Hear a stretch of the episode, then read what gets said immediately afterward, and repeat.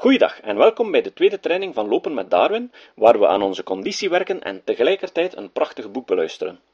Vandaag zullen we weer stukjes van 1 minuut, 2 minuten en 3 minuten lopen, afgewisseld met wandelen. Ik zei vorige keer dat je niet te snel mag lopen. Je conditie bouw je immers beter op bij een lager tempo. Maar hoe snel moet je dan lopen? Een goede richting is dat je tijdens het lopen zonder problemen moet kunnen praten. Als je een hartslagmeter hebt, dan moet je proberen te lopen aan 60 tot 70 procent van je maximale hartslag.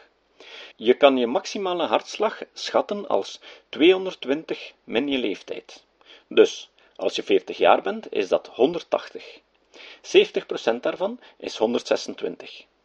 Toen ik begon te lopen, lukte het me bijna niet zo'n lage hartslag te halen. Maar geen nood, het betert met de oefening. In ieder geval moet je dan proberen om je hartslag zo laag mogelijk te houden. Dus echt traag lopen. Oké, genoeg gepalaverd. Hier gaan we weer. Klaar voor 20 minuten training. 1 minuut lopen, start! Inleiding. Toen ik aan boord van het schip de Beagle als natuurkundige een reis rondom de aarde maakte, werd ik vooral getroffen door sommige bijzonderheden en feiten betreffende de verspreiding der dieren en planten in Zuid-Amerika en de geologische betrekkingen van de tegenwoordige tot de verledene bewoners van dat gedeelte der aarde. Die feiten, meende ik, verspreiden enig licht over het ontstaan der soorten. Dat grootste der geheimen, zoals het door zekeren wijsgeer is genoemd. Bij mijn terugkomst in 1837 werd het mij hoe langer hoe duidelijker dat er misschien veel ter beantwoording dier grote vraag gedaan zou kunnen worden. Door namelijk alle feiten die enige betrekking hadden tot het onderwerp te verzamelen en onderling te vergelijken. Na vijf jaren van studie in die richting schreef ik enkele opmerkingen ter neder. En stop! Niet stilstaan, maar vanaf nu gewoon één minuut wandelen. In 1844 werkte ik die uit tot een schets, en van die tijd tot op den tegenwoordigen heb ik niet opgehouden telkens over het onderwerp na te denken. Ik vermeld deze persoonlijke bijzonderheden slechts met het doel om te bewijzen dat ik niet te haastig ben geweest in het nemen van een besluit. Mijn werk is nu bijna gereed, maar wijl ik nog wel twee of drie jaren nodig heb om het zo volledig mogelijk te maken, en wijl mijn gezondheid verre van goed te zijn, zo dacht het mij goed reeds nu dit artikel uit te geven. Ik ben hiertoe voornamelijk aangespoord doordien de heer Wallace, welke tegenwoordig de natuurlijke geschiedenis van de Maleisische archipel bestudeert, bijna tot volkomen dezelfde algemene uitkomsten ten opzichte van het ontstaan der soorten is gekomen, als die welke ik verkregen heb. 1 minuut lopen, nu! In het vorige jaar ontving ik van bovengenoemden een verhandeling over dat onderwerp, met verzoek die aan Sir Charles Lyell ter hand te stellen, welke haar vervolgens aan de Linnean Society zond. In het derde deel van het journaal dier instelling is zij te vinden.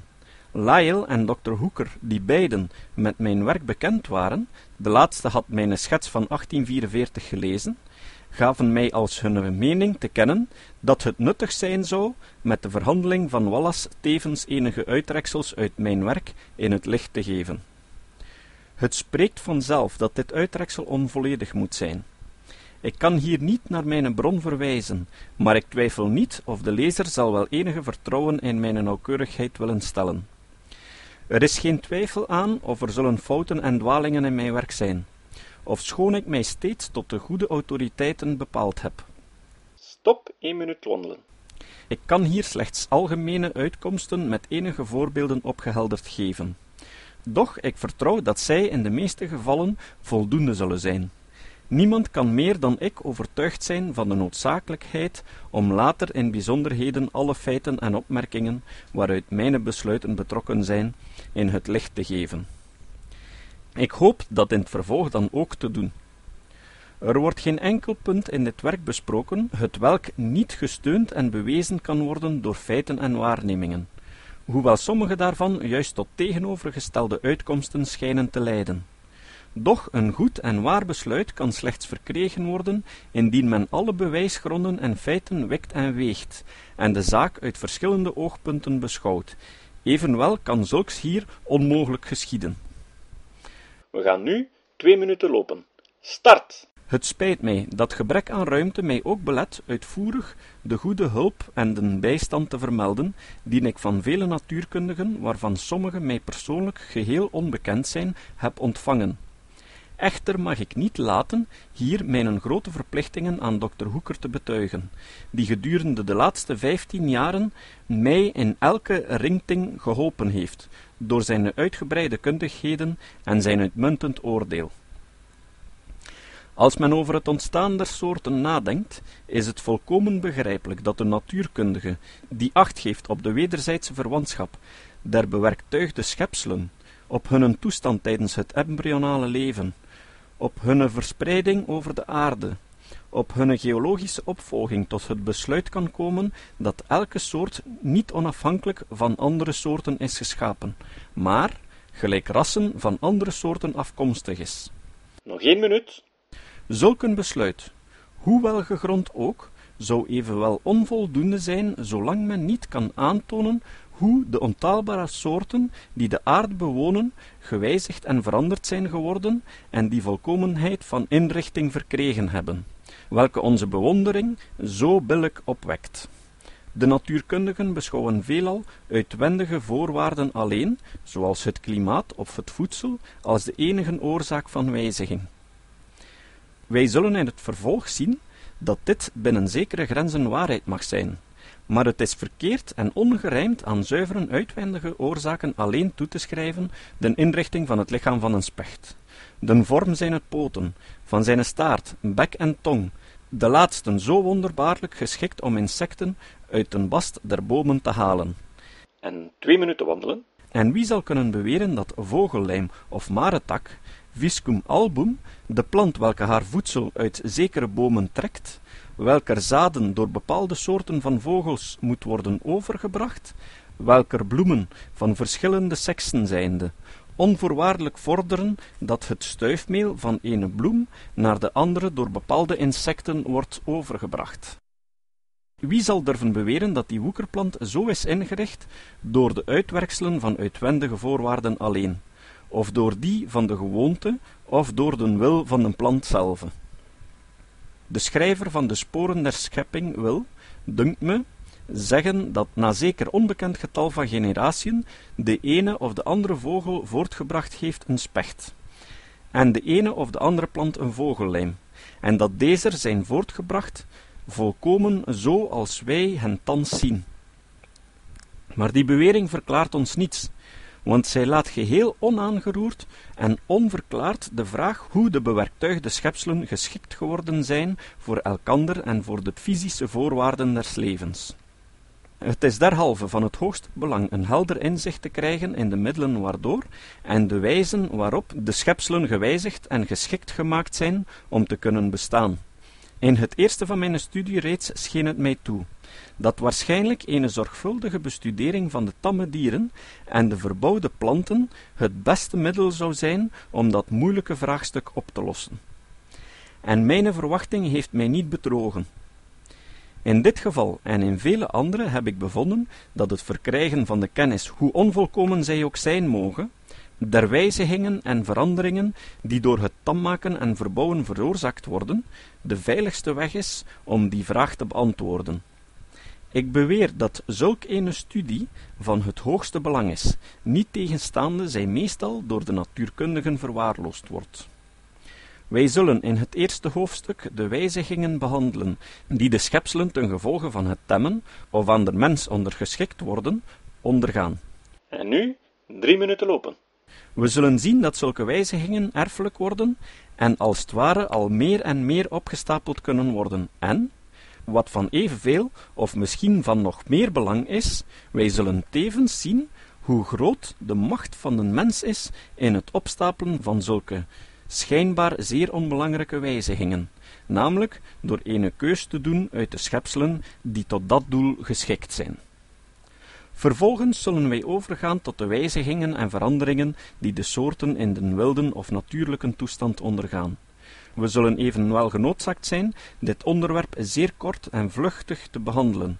Het zal weinig meer kunnen worden dan ene opsomming van feiten, We zullen desniettemin toch gelegenheid hebben om de omstandigheden welke het gunstigst zijn voor die wijzigingen te bespreken. In het volgende hoofdstuk zullen wij handelen over de strijd om bestaande te blijven. Een strijd die alle bewerktuigde wezens op de gehele aarde moeten strijden, als een onvermijdelijk gevolg van de al voortgaande en voortgaande vermeerdering van hun getal. Dit is de leer van Malthus, toegepast op het dierenrijk, zowel als op het plantenrijk. Terwijl er veel meer individuen in elke soort geboren worden dan bij mogelijkheid in het leven kunnen blijven, en wijl er ten gevolge daarvan alweer ontbrandenden krijgt, om bestaande te kunnen blijven moet ontstaan, zo spreekt het vanzelf dat een wezen, het welk, al is het slechts in het ene of het andere opzicht ten zijne voordelen boven zijn natuurgenoten uitblinkt, ook de meeste kans zal hebben om de laatsten te overleven, en dus door de natuur zelf zal worden uitverkoren. En door het overerven van wijzigingen is zulk een uitverkoren individu tevens de oorzaak van het bestaan blijven van dat ras in zijn nieuwe en gewijzigde vorm. We zijn al halfweg deze training. Die keus, welke de natuur zelf doet, die wij in het vervolg telkens door het woord natuurkeus zullen aanduiden, zal enigszins uitvoerig in dit vierde boek behandeld worden. Wij zullen dan zien hoe die natuurkeus het uitsterven van de minder begunstigde vormen veroorzaakt, en hoe zij aanleiding geeft tot hetgeen wij het uitspreiden der kenmerken willen noemen. In het vijfde hoofdstuk zullen wij over de samengestelde en nog altijd vrij onbekende wetten spreken, waardoor de wijzigingen en de veranderingen beheerst worden. In de vier volgende hoofdstukken behandelen wij de meest in het oog vallende en grootste bezwaren en tegenwerpingen tegen deze leer, namelijk ten eerste hoe de overgangen ontstaan, dat is hoe het komt dat een eenvoudig wezen of een eenvoudig werktuig volmaakter en veranderd kan worden in een zeer samengesteld wezen of in een zeer hoog ontwikkeld werktuig. En stop! Drie minuten rustig wandelen. Ten tweede het instinct of de zielsvermogens der dieren. Ten derde de verbastering of de onvruchtbaarheid der soorten en de onvruchtbaarheid der rassen, indien zij onderling gekruist worden. En ten vierde de onvolledigheid der geologische gegevens. In het tiende hoofdstuk zullen wij de geologische opvolging der bewerktuigde wezens beschouwen, in het elfde en twaalfde hun verspreiding over de aarde, in het dertiende hun rangschikking of wederkerige verwantschappen, zowel in de rijpen of volkomenen als in den embryonalen toestand. En eindelijk, in het laatste hoofdstuk, zullen wij een kort overzicht van het gehele werk en tevens enige aanmerkingen ten besluite geven.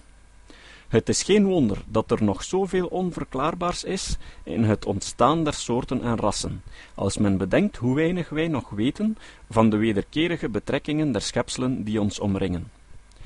Wie kan zeggen waarom de ene soort wijd en breed is verspreid en groot van getal is, en waarom ene verwante soort een zeer nauw begrensd gebied heeft en klein is in getal?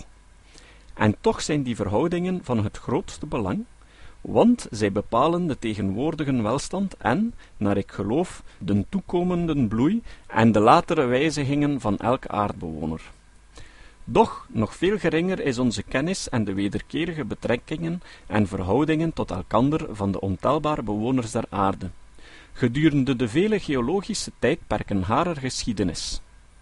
Ofschoon er derhalve nog veel duisternis is, en dat duistere nog lange tijd duister zal blijven, ik twijfel er toch niet aan of het gevoelen van de meeste natuurkundigen, een gevoelen het welk door mij voorheen werd gehuldigd, namelijk dat elke soort onafhankelijk van een andere geschapen is, zal blijken een dwaalbegrip te zijn. Ik zeg dit na ernstige studie en onpartijdig nadenken. Ik ben ten volle overtuigd dat de soorten niet onveranderlijk, dat is niet bestendig zijn, en dat die soorten, welke tot één en hetzelfde geslacht gerekend worden, lijnrecht afstammen van de ene of de andere veelal uitgestorvene soort.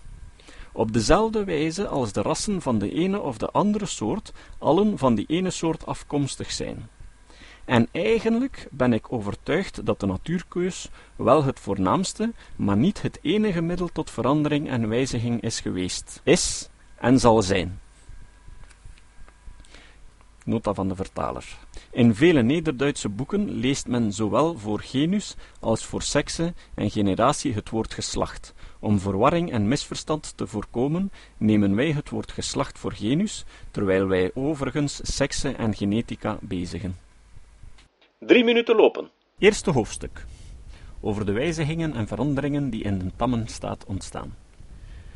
De oorzaken der veranderingen, de uitwerkselen der gewoonte, de erfelijkheid, kenmerken van tamme rassen, de moeilijkheid om een onderscheid te vinden tussen rassen en soorten, het ontstaan van tamme rassen uit ene of uit verschillende soorten, tamme duiven, haar afkomst en haar onderlinge verschil, de beginselen waarnaar men voorheen handelde in het verkiezen van tamme dieren, over de opzettelijke en de onopzettelijke keus, de onbekende afkomst onze tamme dieren en verbouwd wordende planten, de omstandigheden welke de mens in zijn keus begunstigden. Goed zo, één minuut is al gepasseerd. Indien wij eniger individuen van zeker ras of onderras onzer reeds sedert lang verbouwde planten of onze getemde dieren beschouwen, dan is een van de eerste bijzonderheden die onze aandacht treffen, de omstandigheid dat zij in het algemeen meer van elkander verschillen dan zulks bij de individuen van de ene of de andere wilde soort of wild ras het geval is. Als wij nadenken en zien welke grote verschillen er onderling tussen de verbouwde planten en de getemde dieren bestaan, verschillen die gewisseld hebben en veranderd zijn ten allen tijde, in de meest verschillende klimaten en onder de meest uiteenlopende behandelingen, dan dunkt mij dat wij genoodzaakt zijn te besluiten dat die grote verschillen eenvoudig te danken zijn aan de omstandigheden, dat onze huisdieren en tuinplanten opgewassen zijn onder voorwaarden die minder eentonig en gelijkblijvend waren, en ook tevens verschillend van die waaraan de verwante soorten in de wilde staat, in de natuurstaat waren onderworpen en blootgelegd. Nog één minuut. Er bestaat, dunkt mij, enige waarschijnlijkheid dat het gevoelen van Andrew Knight waarheid is, namelijk dat die verschillen gedeeltelijk te danken zijn aan overvloed van voedsel. Het is duidelijk dat de bewerktuigde wezens gedurende verschillende generatiën aan de nieuwe levensvoorwaarden onderworpen moeten zijn geweest, om een enigszins belangrijke wijziging te kunnen vertonen. En dat, als de bewerktuiging eens begonnen is veranderd te worden, zij gemeenlijk volhoudt met gedurende vele generaties te veranderen. Kom aan, nog even volhouden. Er is geen enkel geval bekend dat een veranderlijk wezen opgehouden heeft veranderlijk te zijn, zolang het zich onder de heerschappij van een mens bevond. En stop. Drie minuten rustig wandelen. Onze oudste verbouwde planten, zoals tarwe en rogge, brengen nog dikwijls nieuwe verscheidenheden voort. Onze oudste huisdieren zijn nog altijd vatbaar voor een snelle wijziging of verbetering. Er is gevraagd geworden in welk tijdperk der levens de oorzaken der veranderingen, welke zij dan ook mogen zijn, gewoonlijk haar een invloed uitoefenen. Het zij in de volwassenen toestand of in de jeugd, of gedurende de ontwikkeling van het embryo, of op het ogenblik der conceptie. De onderzoekingen van Geoffrey Sir Hilaire bewijzen dat een onnatuurlijke behandeling van het embryo monsters verwekt, en dat er geen bepaalde grens tussen monsters en sommige verscheidenheden aan te wijzen is. Ik ben zeer genegen te vermoeden dat de steeds voorkomende oorzaak van veranderingen te zoeken is in de mannelijke en vrouwelijke voortellingswerktuigen, die reeds voor het bedrijf der conceptie op de ene of de andere wijze misschien ziekelijk aangedaan waren. Verscheidene redenen doen mij dit geloven. De voornaamste daarvan is het merkwaardige uitwerksel het welke de opsluiting op de verrichtingen van het voorttelingsstelsel heeft. Dat stelsel schijnt veel gevoeliger dan enig ander gedeelte der bewerktuiging te zijn voor de invloed van de ene of de andere verandering in de voorwaarden des levens. Niets is gemakkelijker dan een dier te temmen, maar er is bijna niets moeilijker dan te maken dat het zich in de gevangenschap voortplant. Zelfs al is het dat men kan bewerken dat mannetje en wijfje zich verenigen. Hoeveel dieren zijn er niet die niet willen voorttelen, ofschoon zij lang in het leven blijven in een gans niet strenge gevangenschap, en wel in hun eigen geboorteland? Dit wordt gewoonlijk aan een ontaard instinct geweten. Maar hoeveel verbouwde planten wassen zich krachtig op en brengen desniettemin zelden of nooit zaad voort? In enige gevallen van dien aard heeft men waargenomen dat sommige zeer geringe invloeden, zoals een weinig meer of een weinig minder water in sommige tijdperken van een groei, de oorzaak kunnen zijn of ene plant zaad zet of niet. Ik kan hier onmogelijk in de vele bijzonderheden treden, die ik ten opzichte van dit zeer belangrijke onderwerp heb verzameld. Maar om te tonen hoe zonderling de wetten zijn, welke de voortplanting der dieren in de gevangenschap beheersen, maak ik er opmerkzaam op dat vleesetende zoogdieren, zelfs zulke die uit warme gewesten afkomstig zijn, niet zelden in ons klimaat in de gevangenschap voorttelen, met uitzondering evenwel van de zooltreders of de familie der beren, terwijl vleesetende vogels slechts bij zeer zeldzame uitzondering vruchtbare eieren leggen. En stop.